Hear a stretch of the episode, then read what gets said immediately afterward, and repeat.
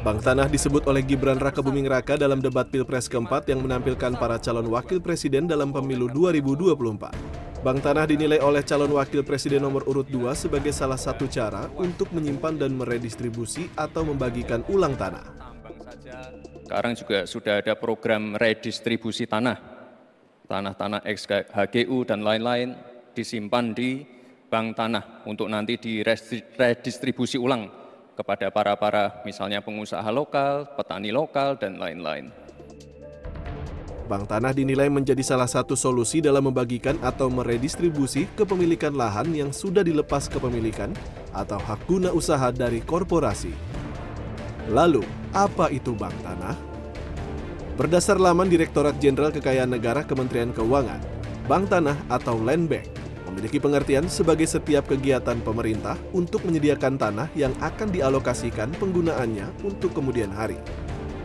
Bank Tanah mempunyai berbagai fungsi yaitu penghimpun tanah atau land keeper, pengamanan tanah untuk pembangunan di masa depan atau land warranty, pengendali tanah atau land purchaser, dan pendistribusian tanah atau land distributor. Setelah uh, UPA tahun 1960, tahun 1961 pemerintah melaksanakan program redistribusi tanah tahun 61 sampai tahun 2014 jumlah redistribusi tanah adalah 2,79 juta bidang tanah. Kemudian dilanjutkan tahun 2015 sampai dengan tahun 2023 redistribusi tanah yang dibagikan ke masyarakat sebanyak 2,96 juta bidang tanah.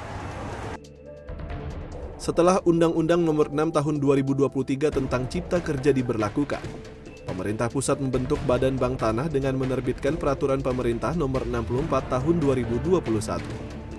Badan khusus tersebut langsung bertanggung jawab terhadap Presiden melalui komite yang diketuai oleh Menteri ATR BPN dan beranggotakan Menteri PUPR serta Menteri Keuangan.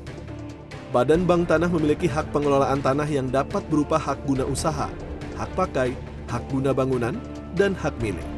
Sumber tanah yang dapat dikelola oleh Bank Tanah dapat berupa tanah terlantar, tanah pemerintah, tanah BUMN dan BUMD, tanah sitaan, tanah pelepasan hak, dan lain sebagainya.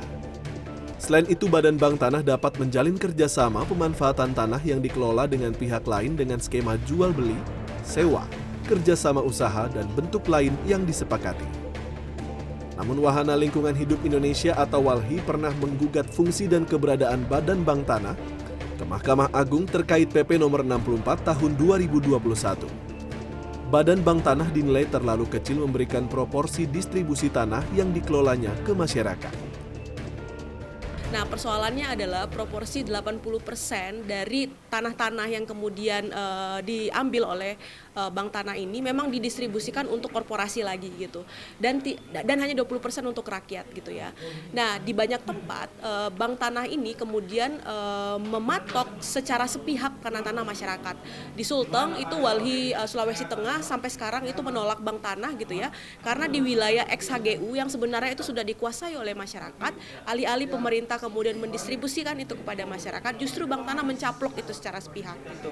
Dan beberapa ex HGU yang sekarang di tengah di, diurus oleh Walhi, ada di Jawa Barat, ada di NTB itu juga nyaris masuk ke Bank Tanah gitu ya. Sebagai informasi, hingga akhir Desember 2023, Badan Bank Tanah mengelola aset tanah seluas 18.478 hektar. Tanah kelolaan tersebut tersebar di 28 kabupaten dan kota di Indonesia, Adapun proyek pembangunan Bandara Ibu Kota Nusantara di Penajam Pasir Utara seluas 347 hektar berada di tanah hak pengelolaan atau HPL Badan Bank Tanah seluas 4.162 hektar. Agung Happy, Maranata, Jakarta.